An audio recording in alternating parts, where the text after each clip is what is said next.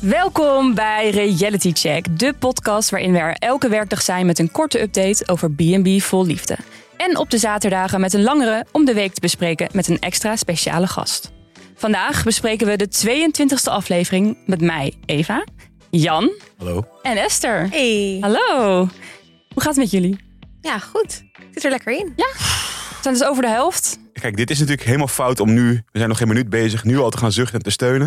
Jan, Ik had het echt zwaar deze aflevering. Voor het eerst. Voor het eerst dacht ik, ah, dat er niet heel veel gebeurde of beetje tussen. Terwijl, we gaan hem straks natuurlijk helemaal ontleden. Er is genoeg waarvan je denkt, Ja. heerlijk. Ja. Maar voor mij persoonlijk, ik had het, eh, ik had het Dat moeilijk. was even moeilijk. Oké, dat snap ik. We hebben trouwens een update. Vrijdag is het er even over gegaan. Over de halsband van Eduardo. Maar er is een update gekomen van Marjan. Ja, we waren niet de enige die dit was opgevallen. Het internet heeft het hier vrij uitgebreid over gehad. En blijkbaar dacht RTL Boulevard toen... oké, we moeten hier even Marianne over bellen. Hoe zit het met de halsband van Eduardo? Nou jongens, het is eigenlijk een heel triest verhaal. Ja, Ja. Het heeft een verdrietige reden. Want Marjan zei, ja, het is eigenlijk heel triest. Want hij heeft zijn hond moeten afgeven. Oh. En die hond was zijn alles. En uit deze opmerking maak ik dus op dat dit de halsband is van zijn overleden hond. Ja, want afgeven betekent dat hij overleden is. waarschijnlijk. Dat, dat Ja. hoeft niet. Nee. Het zou ook kunnen zijn dat het een eh, hele valse hond was en dat dat misging. Ja. Maar Eduardo kennende was een hele lieve hond. Ja. Was Een hele lieve man. Eh dus heel zielig voor hem. Ja. Hij heeft hem niet, nu niet meer om. Dat was ook, Nee? kwam ook Nee. uit het verhaal. Nee, het was, hij heeft hem een tijd Oh ja. gedragen. Maar inmiddels heeft hij hem... Tijdens het programma, de opnames, heeft Ja. het gedragen en daarna niet meer. Dus het was minder, eh, minder spannend dan we dachten. Eigenlijk alleen maar heel erg zielig. Ja. Ja, een soort rouwperiode, Ja. proces. Ja, nou dan weten we dat ook weer. En Eduardo is op zoek Ja, naar een jonge vrouw. dat zei Marjan. Maar ik had dat niet helemaal verwacht. Ik dacht naar een jonge man. Ja, Ja, maar ik, vind- eh, jong vinden jullie prima? Dat vind ik ook wel Hoe oud is hij dan? 40 of zo. Nou, minimaal. Maar een jonge vrouw kan ook iemand, een bloem van eh, eind 30 zijn. ja, ik denk toch, je valt op de persoon, niet op de leeftijd. Maar hey, Een bloem van eind 30. misschien kan Eduardo volgend jaar meedoen. Lijkt mij heel erg leuk. De internationale versie? Ja. Wordt wel lastig met alle Nederlanders en hun steenkolen Engels. Hmm. Maar misschien ook wel weer leuk. Ik vind Marjan, ik denk dat zij een hele goede sidekick zou zijn. Dus ik vind haar wat minder goed als kandidaat. Maar als sidekick, dat ze gewoon zo liggend vanaf het zwembad af en toe kan zeggen... nou ja, ik vind het wel een acht. Ja, en ik vind Edu- Eduardo meer zo'n hoofdpersoon Ja, eigenlijk. precies. Ja, het moet eigenlijk omgedraaid. Ja. Nou, goeie. Oké, laten we naar eh, aflevering 22 gaan.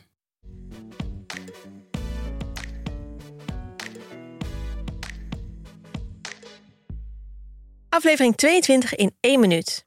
Bij Walter bespeuren we nog weinig seks, maar komt Corina uit de kast als heks. Ze hebben elkaar helemaal gevonden in het teasen en spelen. Zou Corina dan toch Walters hart kunnen stelen? Bij Debbie komt er een nieuwe man die luistert naar de naam Han.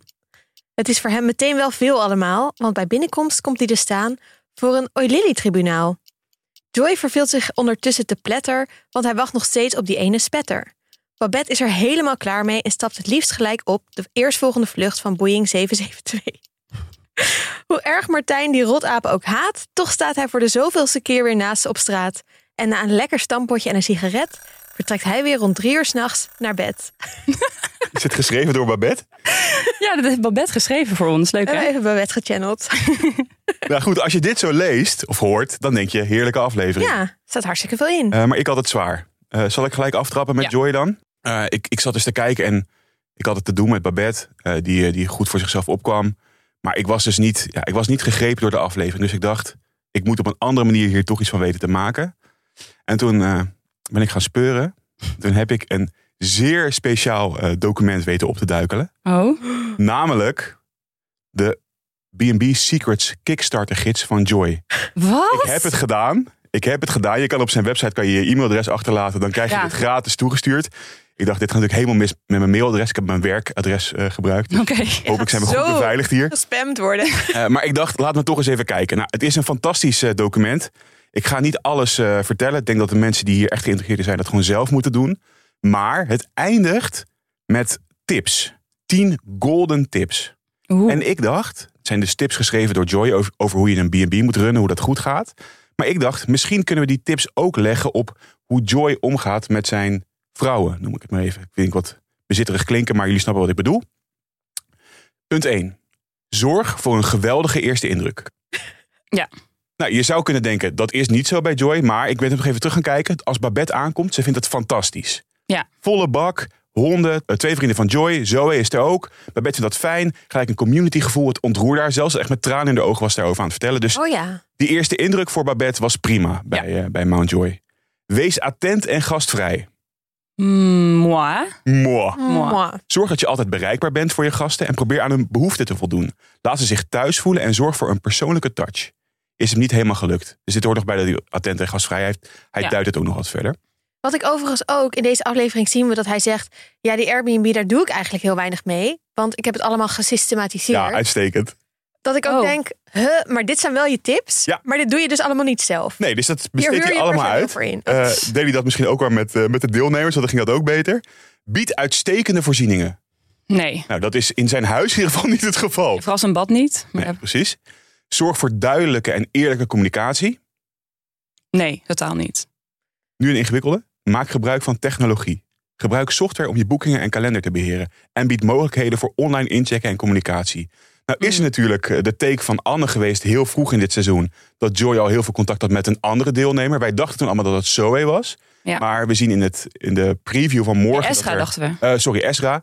Dat er weer twee nieuwe eh, dames aankomen. Misschien zitten ze daar wel tussen. Dus Ja. Joy gebruikt technologie. Misschien niet helemaal op de manier hoe het zou moeten. Nee. Biedt unieke ervaringen. Nou, dat kan je wel zeggen, toch? Nou, ik heb nog niet. Nou, Maar op een verkeerde de manier. van die hond was vrij uniek. Maar verder heb ik nog heel weinig. Weet je, ja, we gaan lekker naar het strand. We gaan ergens sushi eten. Ja, Ja. niet super uniek. Uniek op een slechte manier. Dan misschien wel de lastigste voor Joy. Vraag om feedback. Oeh. Vraag je gasten om feedback en wees bereid om te leren en te verbeteren op basis van hun suggesties. Nou, sowieso zijn die bereid niet, om te leren. Nee. Investeer in je gasten. Doe iets extra's voor je gasten, zoals een persoonlijk welkomstgeschenk of korting op lokale activiteiten. Nou, hij stuurt eh, Babette natuurlijk op een gegeven moment naar de, de vrouwencirkel. Dat, dat vond zij heel erg fijn. Ja. Eh, dat was volgens mij wel vanuit, vanuit zichzelf gedacht. Maar oké, misschien zou je hem daar nog een, een puntje kunnen geven. Zorg voor een vlekkeloze schoonmaak. Nee. Ook nee, niet het geval? nee, Hmm. zeker niet. En maak van gastvrijheid je prioriteit. Het belangrijkste is om gastvrijheid op de eerste plaats te zetten. Zorg ervoor dat je gasten zich welkom voelen en ze zullen zeker terugkomen. Oh. Maar wat ik dus grappig vind, ik dacht eerst bij Joy, het is, hij kan niet beter. Hij weet niet beter. Maar dit blijkt, hij weet precies hoe het moet. Ja. Als je dit allemaal zou volgen, zou je en een fantastische B&B runnen, maar ook gewoon een hele leuke eh, partner kunnen zijn. Ja. Maar het lukt hem blijkbaar niet. Nee, of niet bij de juiste vrouwen. Bij deze vrouwen. Zou dat het zijn? Ja. Maar hij probeert het niet eens. Nee. Nee. Daar, ik snap dat Babette daar heel pissig over is. En ik word er ook pissig van als ik er naar kijk. Ja. En ik heb het, volgens mij heb ik het hier ook al eerder toen ik vorige week aanschaf over gehad. Maar waarom doe je mee aan dit programma als je niet echt liefde wil vinden? Want je, je Ja. stelt je niet open. Je probeert het niet eens. Ja, er komen nog andere vrouwen. Je wil dus eigenlijk gewoon zoveel mogelijk vrouwen daten. En eh, zoveel mogelijk aandacht krijgen van vrouwen. Want daar gaat het Joy volgens mij ook heel erg om. Gewoon dat hij, ik weet niet, op die berg zit en denkt... Goh, ik kan hier geen vrouwen ontmoeten, terwijl ik heb die aandacht nodig. Want hij ziet er super gelikt uit. Hij wil gewoon graag dat mensen hem knap vinden en Mhm. aardig. Nou, nu heeft hij lekker allemaal vrouwen om zich heen die dat bij hem doen. En dat vindt hij leuk. En hij vindt het niet leuk dat hij daar zelf moeite in moet steken. En hij wil niet echt ervoor gaan. Want volgens mij is hij echt best wel een match met Babette. Ja, Ja, ik denk het ook wel. En daar zit heel erg volgens mij die frustratie van Babette. Dat zij voelt van, hé, hey, dit kan potentieel iets zijn. En dat hij gewoon Hij gewoon... geen moeite doet om dat ook maar te proberen. En laat ook de hele tijd merken dat hij, die, dat, dat hij dat niet ziet, wat er nog meer in haar zit. Want hij zegt de hele tijd, Ja. ja, je bent zo gevoelig, wat zit er nog meer in? Of je bent zo, wat zei je nou meer? Ik zie die vrouwelijke kant de hele tijd van jou, maar wat zit er nog verder in? ik vond dat wel. eh, nou, dat raakte me wel dat Babette, dat, dat Babette zo raakte. Omdat ik Ja. me heel goed kan voorstellen dat je doet je best. Zij doet, zij doet echt haar best. Ja, Ja, Eh, ze stelt zich heel erg open. En dat dan Joy eigenlijk maar twee dingen zegt. Ja, jullie zijn nog heel erg zoekende. Ja. En ik zie heel erg je vrouwelijke kant en je zorgzaamheid. Mhm. Terwijl zij zegt, ja, ik ben veel meer dan dat. En blijkbaar ziet hij dat Echt? allemaal niet. nee. Nou ja, ik denk dus dat hij op die Dani aan het wachten is. Dat zegt nu ook iedereen. Iedereen in de DM's van Reality Check zegt ook van... hij wacht op die Dani, die Dani. Dat is even dat blonde meisje die volgens mij nog komt. Hm. En ik heb een soort contact met Reality FBI. Oh, En die ging bij mij in de DM sliden. Want die had Juice. Die had een filmpje van Joy die hij nu gemaakt heeft. En nu op Instagram heeft gezet. Had hij, ehm, had hij een screenshot van gemaakt. En dan zag je schoenen in de achtergrond. Mhm. En toen had hij een foto ook gestuurd van Dani. En haar schoenen, die zij op die foto aan heeft, staan nu bij Ah. Joy in huis. Dus We zijn rond. We zijn rond. Wauw. Ik denk dat het die Dani wordt. Dus vanaf morgen kunnen we gaan genieten van echte liefde bij, op Mount Ja. Joy. Dus hou die Dani in de gaten, jongens. Dan Eva, jij hebt mijn, eh, mijn favoriet geclaimd vandaag. Debbie en dan vooral dus ook Paul. Brandlos. Oh, Debbie, onze Debs. Ja, ik wil even beginnen met dat haar hele vriendinnengroep is uitgelopen. Haar hele possie is op bezoek bij Debbie. Op een gegeven moment, ik wist gewoon niet meer hoeveel het er waren. Want uit elke kamer kwam er maar weer eentje lopen. En nou ja, ik kon het niet goed bijhouden. Maar hoe gezellig is het daar? Het is wel gezellig. Het zijn allemaal kopieën van Debbie. Ja. Een soort van... een soort ex- AliExpress versies van Debbie. Want ze hebben allemaal wel kleuren aan en een beetje bloem. Maar het is toch niet, het haalt het niet bij Debbie. Heel leuk om te zien. Ehm, en toen dacht ik, ja, ik wil eigenlijk ook een vriendin van Debbie zijn. Hoe, hoe leuk is het om daar te zitten? Zij, Debbie is superleuk, super grappig. En toen, daarna dacht ik, maar ik wil überhaupt een vriendin van een B&B-houder zijn. Want bij elke B&B-houder komt er wel, komen er vrienden langs. En die kunnen daar gewoon zijn, zonder echt onderdeel te zijn van het drama. Maar ze kunnen het wel lekker aanschouwen. Dat is toch super fijn. Dat is Weten meer dan wij? Ze weten meer dan wij. Toen dacht ik, heb ik, heb ik dan vrienden die een B&B hebben? Nee, dat heb ik niet. Maar dat moet ik wel krijgen, denk ik. Want dan hoef ik niet zelf mee te doen aan B&B voor liefde. Maar kan ik er wel een soort van als vriend of vriendin... Daar Ja, Ja. ik weet niet. Ik vind jullie hier toch te makkelijk. ja? Ja, want het kan ook zijn dat die vrienden daar zijn omdat het anders niet vol zit. Nou is dat bij Debbie niet het geval. Dat ik vind het wel we. heel toevallig dat ze allemaal komen terwijl eh, het programma gefilmd wordt. Ja, dus volgens mij is dat een soort van onder- mentale ondersteuning voor, eh, voor de eigenaren. Ja, Dat die een beetje kunnen ventileren. En dat levert Ja. ook bij Debbie vandaag weer fantastische het is gewoon televisie een heel op. slimme zet. Maar die, sowieso dat die redacteuren vragen van... hey, het lijkt ons leuk als je één of twee keer in die maand... dat, we, hè, dat je even een vriend uitnodigt. Want het is voor, Ja. ja. voor die scènes is het natuurlijk ook hartstikke leuk. ja, Zeker precies. als er een tijdje niemand is... of er is iemand die niet zo goed gaat. Ja, Ja, dus dat is gewoon onderdeel van het programma. Ja, Debbie dacht, nou oké, let's go. Ik ga gewoon de hele club. WhatsApp-groepen ga ik dit inzetten. Ja, precies. Ze lopen ook allemaal uit. Nou, op een gegeven moment roept Debbie dan Paul mee naar boven. Want daar moet hij ene Connie ontmoeten. Ehm, en die komt niet naar beneden. Ik weet ook niet waarom. Die blijft daar gewoon boven zitten. Dus Paul moet mee naar boven.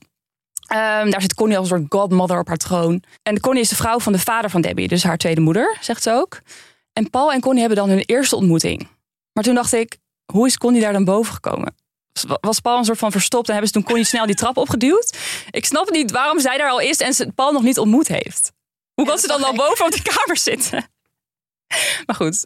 Ehm, nou ja, dan hebben ze elkaar een eerste ontmoeting. Paul moet dan oprotten, want Connie en, eh, en eh, Debbie gaan even met elkaar praten over Paul.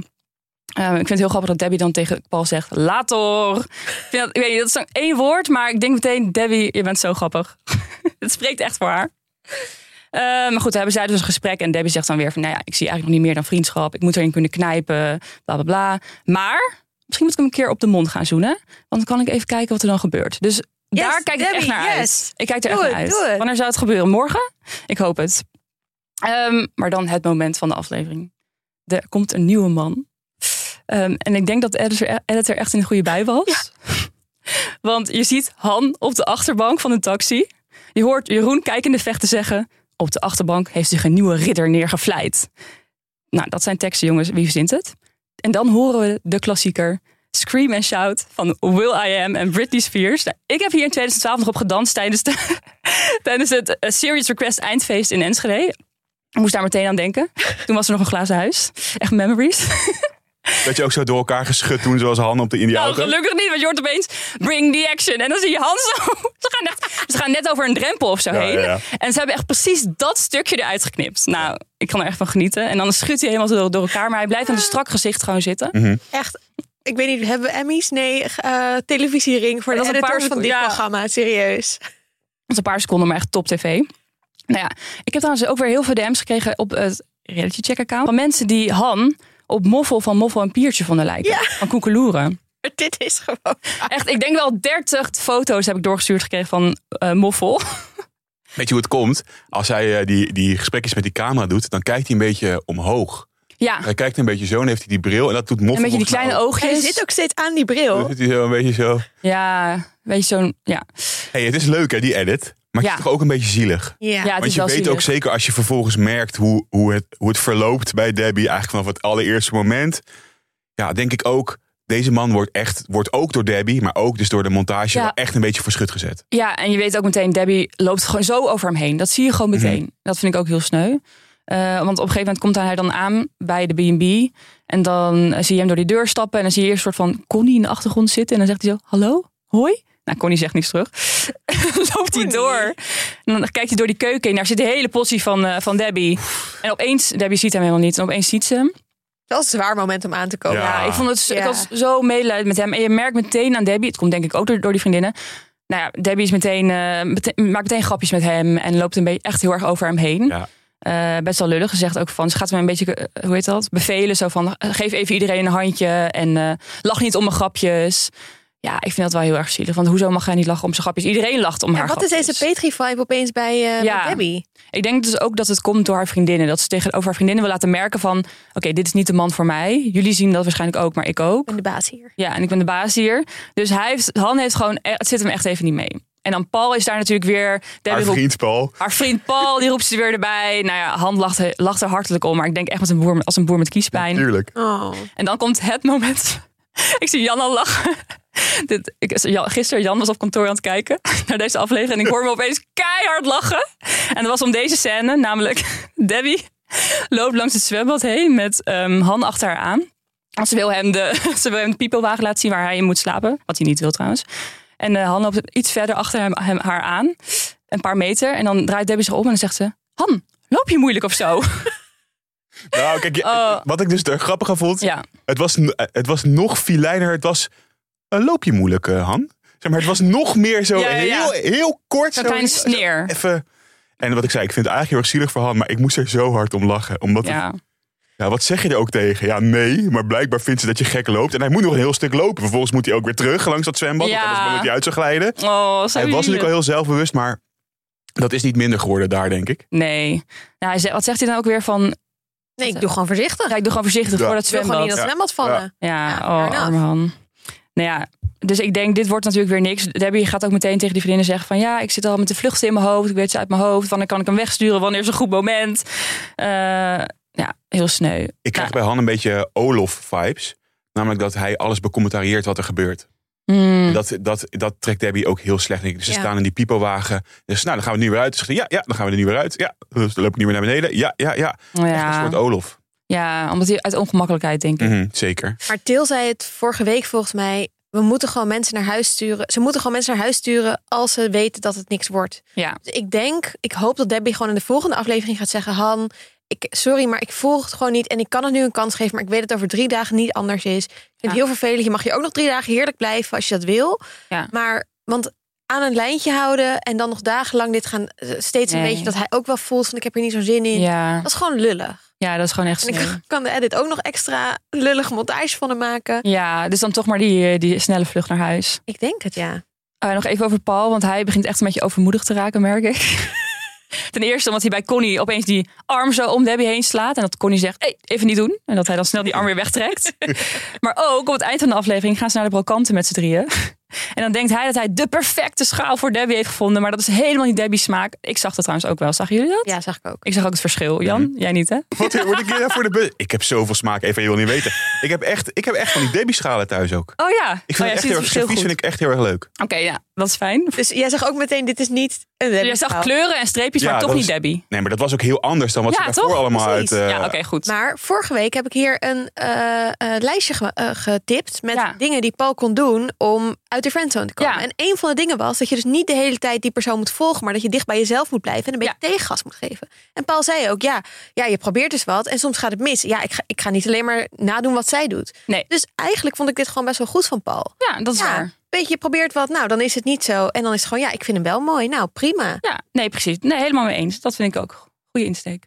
Ik dacht ook nog, Ja? Debbie zegt op een gegeven moment, wordt haar gevraagd door een van haar vriendinnen. Ja, hoe ziet Paul dat dan eigenlijk? En dan zegt ze, ja, ik denk eigenlijk ook niet dat hij verliefd is op mij.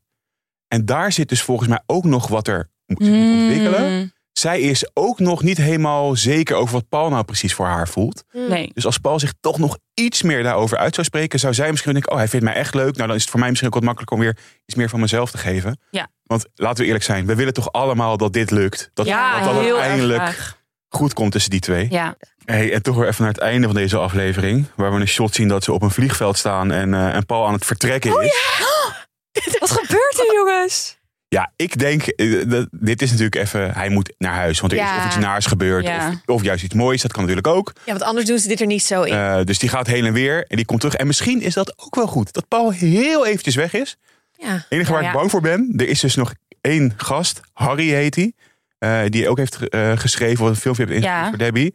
Die, ze, hij kent haar al een beetje, hij vindt haar heel aantrekkelijk. Zij vond hem ook aantrekkelijk. Oh. Leek ook wel grappig te zijn. Als hij nou net aankomt op het moment dat Paul weg is, dan vrees gebeurt grote sowieso. Vrezen. productie stuurt hem dan snel die kant op natuurlijk. Oei. Nou, we gaan het zien. Ja, of gaat toch dit de kans zijn voor Han? Nee.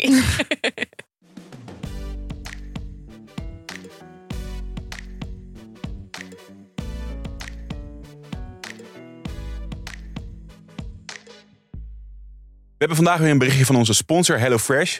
Eva, ik zat hier een tijdje geleden met jou en Andrea, twee Ja. huisgenoten. Mhm. Die koken ook veel HelloFresh. Heb jij Ja. laatst nog iets lekkers ge- gegeten? Ja, dat was eh vega shawarma. Was heel lekker.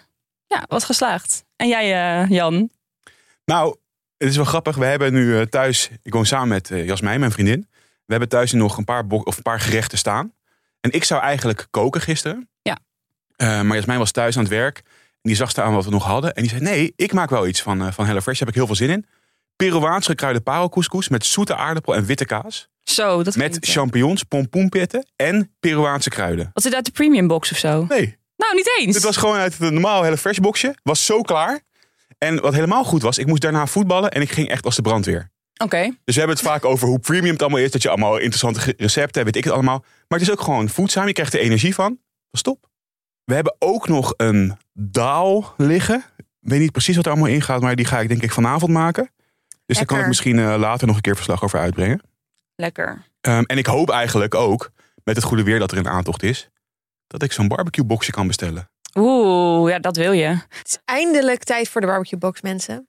Nou, ik zat al te kijken naar Walter en eh Corina in de keuken. Ik bedoel, met een HelloFresh box, dan zit je echt wel zo in de keuken te dansen, denk ik. Dan heb je gewoon die ruimte ervoor. Dan heb je gewoon, je hoeft gewoon het receptje te volgen en voor de rest kan je gewoon lekker met elkaar eh, lekker dansen. en Corina kan het sowieso wel gebruiken, want die geeft aan dat haar kinderen vinden dat ze niet zo goed kan koken. Oh ja, Dus dan zou dit misschien wel helpen. je moet echt haar kant op dan. Ja.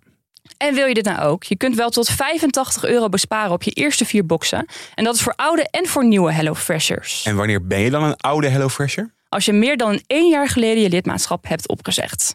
Gebruik de code HelloCheck eh, en ga naar de link in de show notes.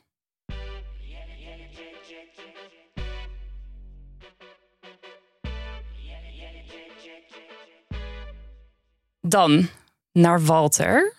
Ja, Walter. Walter hebben we natuurlijk gisteren... ehm, heeft, heeft iets zwaars meegemaakt. Ingrid is vertrokken. Oh, dat was wel heftig. Was heftig. Ja. Ehm, had heftiger kunnen zijn. Ik was het eens met, eh, met de beschouwing gisteren... dat Ingrid dit ook wel tegen Walter allemaal had kunnen zeggen... in plaats van tegen de camera. Maar hij ziet het nu allemaal. Maar het geeft ons heel veel ruimte... of het geeft Corina vooral heel veel ruimte... om eindelijk ehm, haar spraakwaterval ook eh, bij Walter neer te leggen. En, en ons als kijker ook om haar wat beter te leren kennen. Ehm, dus nou, ze gaan lekker samen koken. Ze gaan lekker, lekker samen wandelen. Ik ben een beetje in haar online presence gedoken. Oké. En ik eh, wil graag een heel klein stukje van haar blog met jullie delen. Oeh, spannend. Want ze heeft wat geschreven over deze ervaring. Mhm.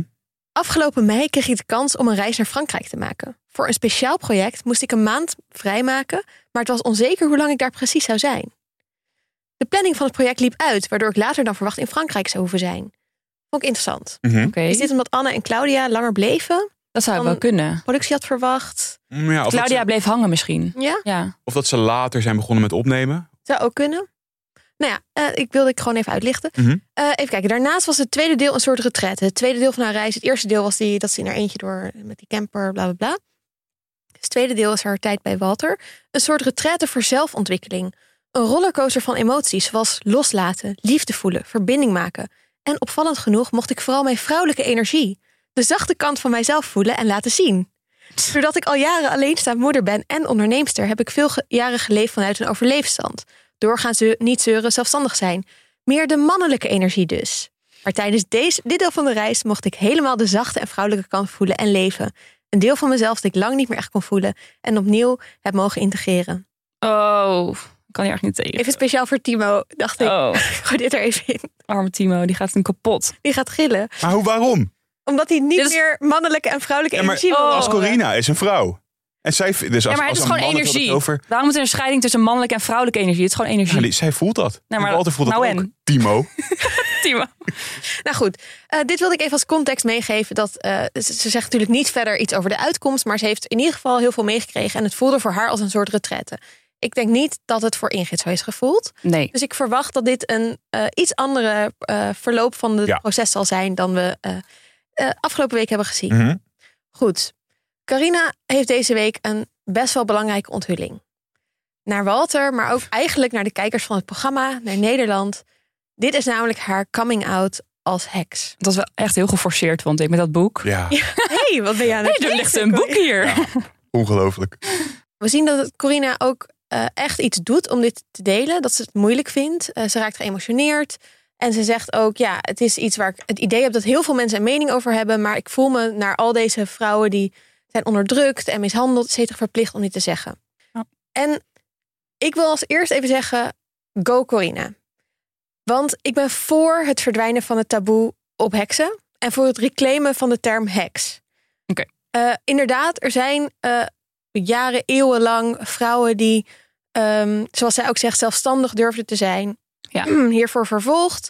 En eh, nog steeds, als je als vrouw dingen doet die mannen spannend vinden, word je een heks genoemd. Ja. Eh, kijk maar naar het meest gebruikte woord van Wilders voor Kaag bijvoorbeeld. Ja, precies. Dus volgens mij is het heel goed dat er meer vrouwen zijn. Er wordt eigenlijk ook best wel veel over geschreven, ook academisch. Ehm, van eh, ja, eigenlijk moeten we die term heksen misschien zien als ja, dat zijn gewoon vrouwen die iets anders doen. En waarom is dat een heel negatief iets? Ja. Ik voel echt een hele grote, dikke, vette, zware maar aankomen. Maar ik heb wel een paar kanttekeningen, inderdaad. Vertel. Ja, oké. Mijn eerste is: heksen vroeger waren niet per se heksen nu, of zoals Corina Ja. zich identificeert als heks. Nee. Als in, er was inderdaad een oeroude natuurreligie. Maar de vrouwen over wie zij het heeft, die op de brandstapel kwamen of werden vervolgd, dat waren eigenzinnige vrouwen. Ja. Niet per se alleen de vrouwen die met kruiden mensen hielden, Nee. die natuurreligie beoefenden. Nee. Het waren de vrouwen die niet naar het patriarchaat luisterden, niet zich lieten onderdrukken door mannen. Ja, precies. Mijn tweede is dat ik vind dat haar uitleg van het heks zijn heel erg valt in dezelfde spirituele hoek als Walter, Anna, Claudia, de mensen bij Joy. Eigenlijk wat we heel veel zien in het programma, waar we het ook al een aantal keer over gehad hebben. Ja. En kijk, het is echt, ik denk dat het heel goed is dat mensen meer in touch willen zijn met de natuur. En dat ze het kleine meer waarderen en stilstaan. Zorg voor het leven. Maar er waren twee dingen die me heel erg triggerden in de context van het verhaal. Mhm. De eerste is, ja, een oude religie is het zoals van de boeren. En het tweede is dat Walter, toen ze het hadden over, oh, het is hier zo lekker stil, meteen zei, ja, geen zendmasten. Oh. En dan Shit. denk ik, ja, hartstikke chill, natuurliefhebbers in touch met de natuur.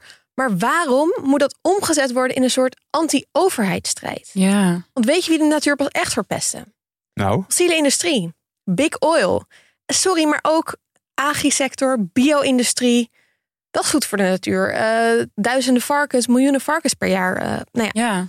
Eh, maar denk maar niet dat deze spirituele mensen de mensen zijn die ik tegenkom op de protesten op de A12. ah, dat weet je niet. Je weet niet, misschien is Corina, heeft ze het niet in de blog opgeschreven, maar misschien staat ze Ik zie haar daar niet op de barricade. Ja, dat weet je niet. het zou kunnen, maar ik zie niet massaal Dit soort types types. als Walter, Claudia, Ja, ja. Spandoeken met he- wij zijn heksen, heksen voor de natuur. of Heksen zo. voor de natuur, ja. Vet. Maar echt, doe dit. Ja. Weet je, ik zie wel mensen tegen zendmasten protesteren op Museumplein. Mhm. Maar je kan ook actie voeren voor de natuur en tegen vervuilende industrie. Ja. Echt een gemiste kans. Weet je, inderdaad, Heksen United tegen bio-industrie. Ja. Let's go. Ja. En wat daarmee te maken heeft, dit is mijn laatste punt, waar ik ook een beetje over viel, is dat Corina dan vertelt dat ze een cursus heeft gevolgd en een certificaat heeft gehaald om heks te kunnen zijn. Mhm. Nou, ik heb eens opgezocht en inderdaad, er zijn superveel online trainingen en cursussen, bijvoorbeeld de Hex Academy, die je kan volgen. Hex Academy? Hex Academy, Oh my god. bijna 1000 euro. Daar kan je natuurlijk ook tal van kruiden en edelstenen Oh. en cycluskaarten en tarotkaarten, et Afzetterij. cetera, allemaal kopen. En ik snap ook, weet je, kennis kost geld, tuurlijk. Aan de andere kant, waarom moet een natuurreligie nou ook weer gekoppeld worden aan de markt?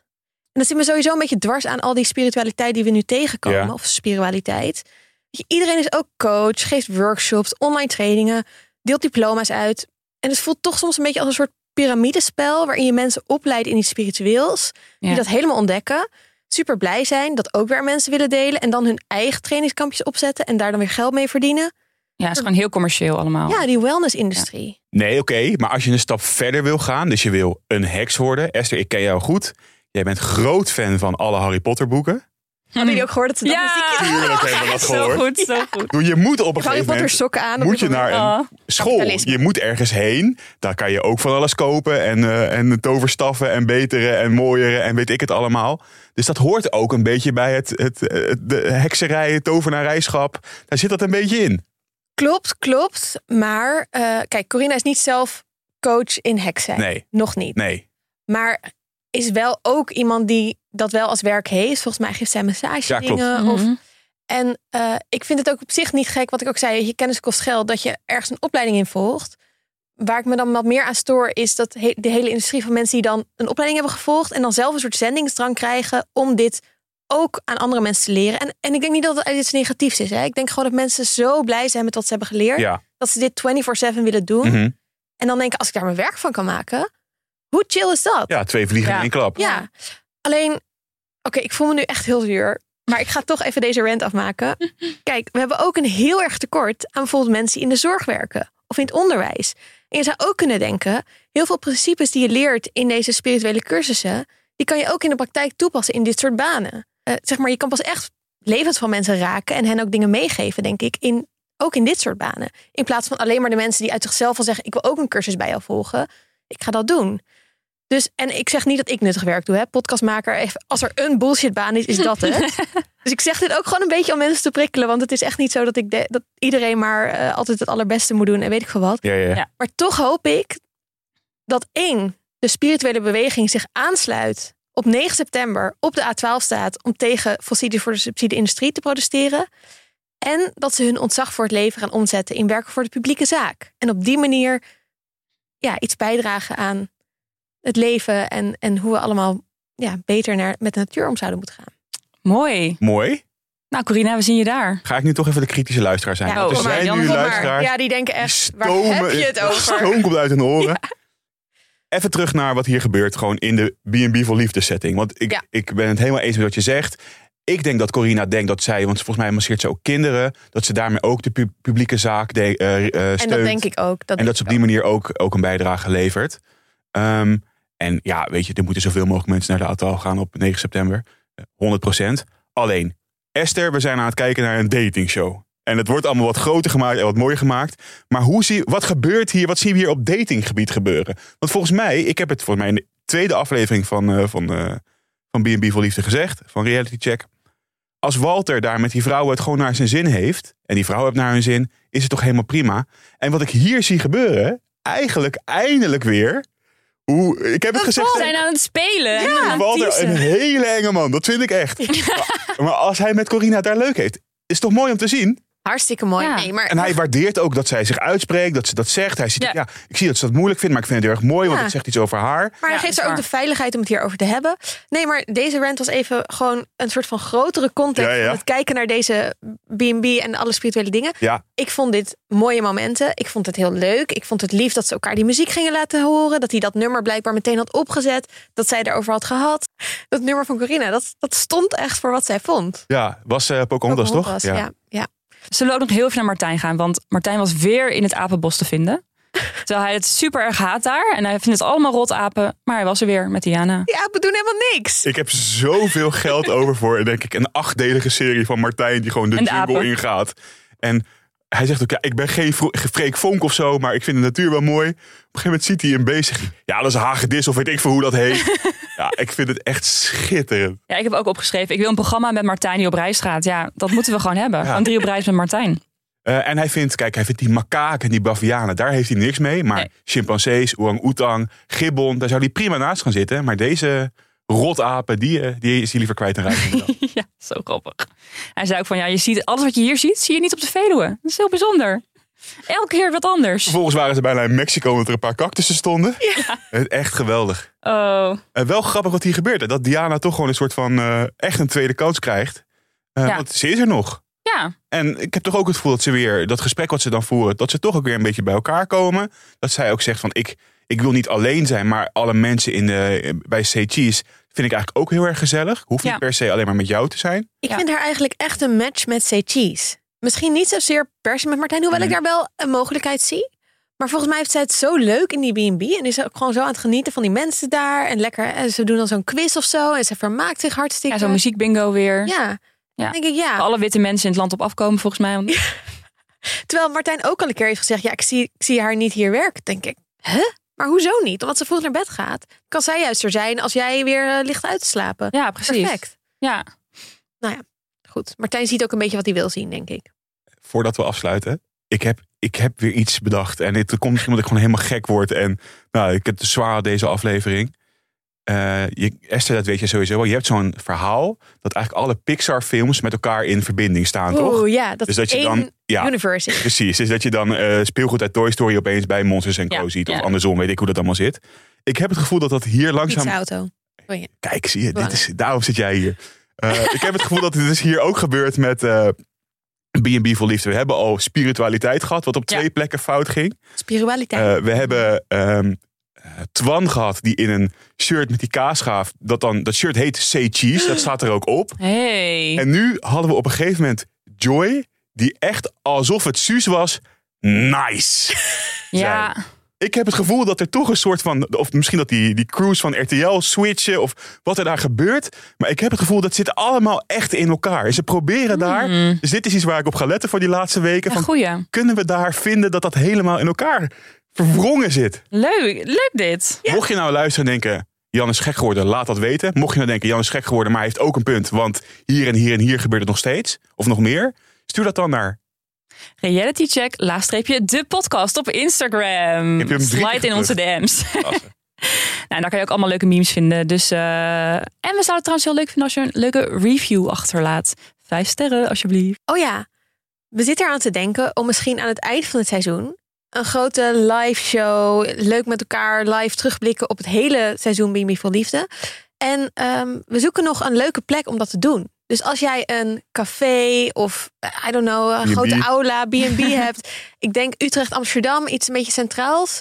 Eh, en je denkt, hey, dat lijkt me leuk om de mensen van Reality Check te ontvangen eh, en alle luisteraars. En we kunnen zeggen, dat zijn er nogal wat. Ja, Eh, stuur ons dan ook even een berichtje op, op Instagram, want dat lijkt ons heel erg leuk. Ja, vet. graag. Nou, dit was de aflevering voor vandaag. Tot morgen. Zou jij ooit een heksencursus willen doen, Eva? Nou, wel een Harry Potter heksencursus, maar niet... eh, Welk, eh, waar zou de sorteerhoed jou plaatsen? ik denk Gryffindor. Gryffindor. Gryffindor. Gryffindor. Tot morgen.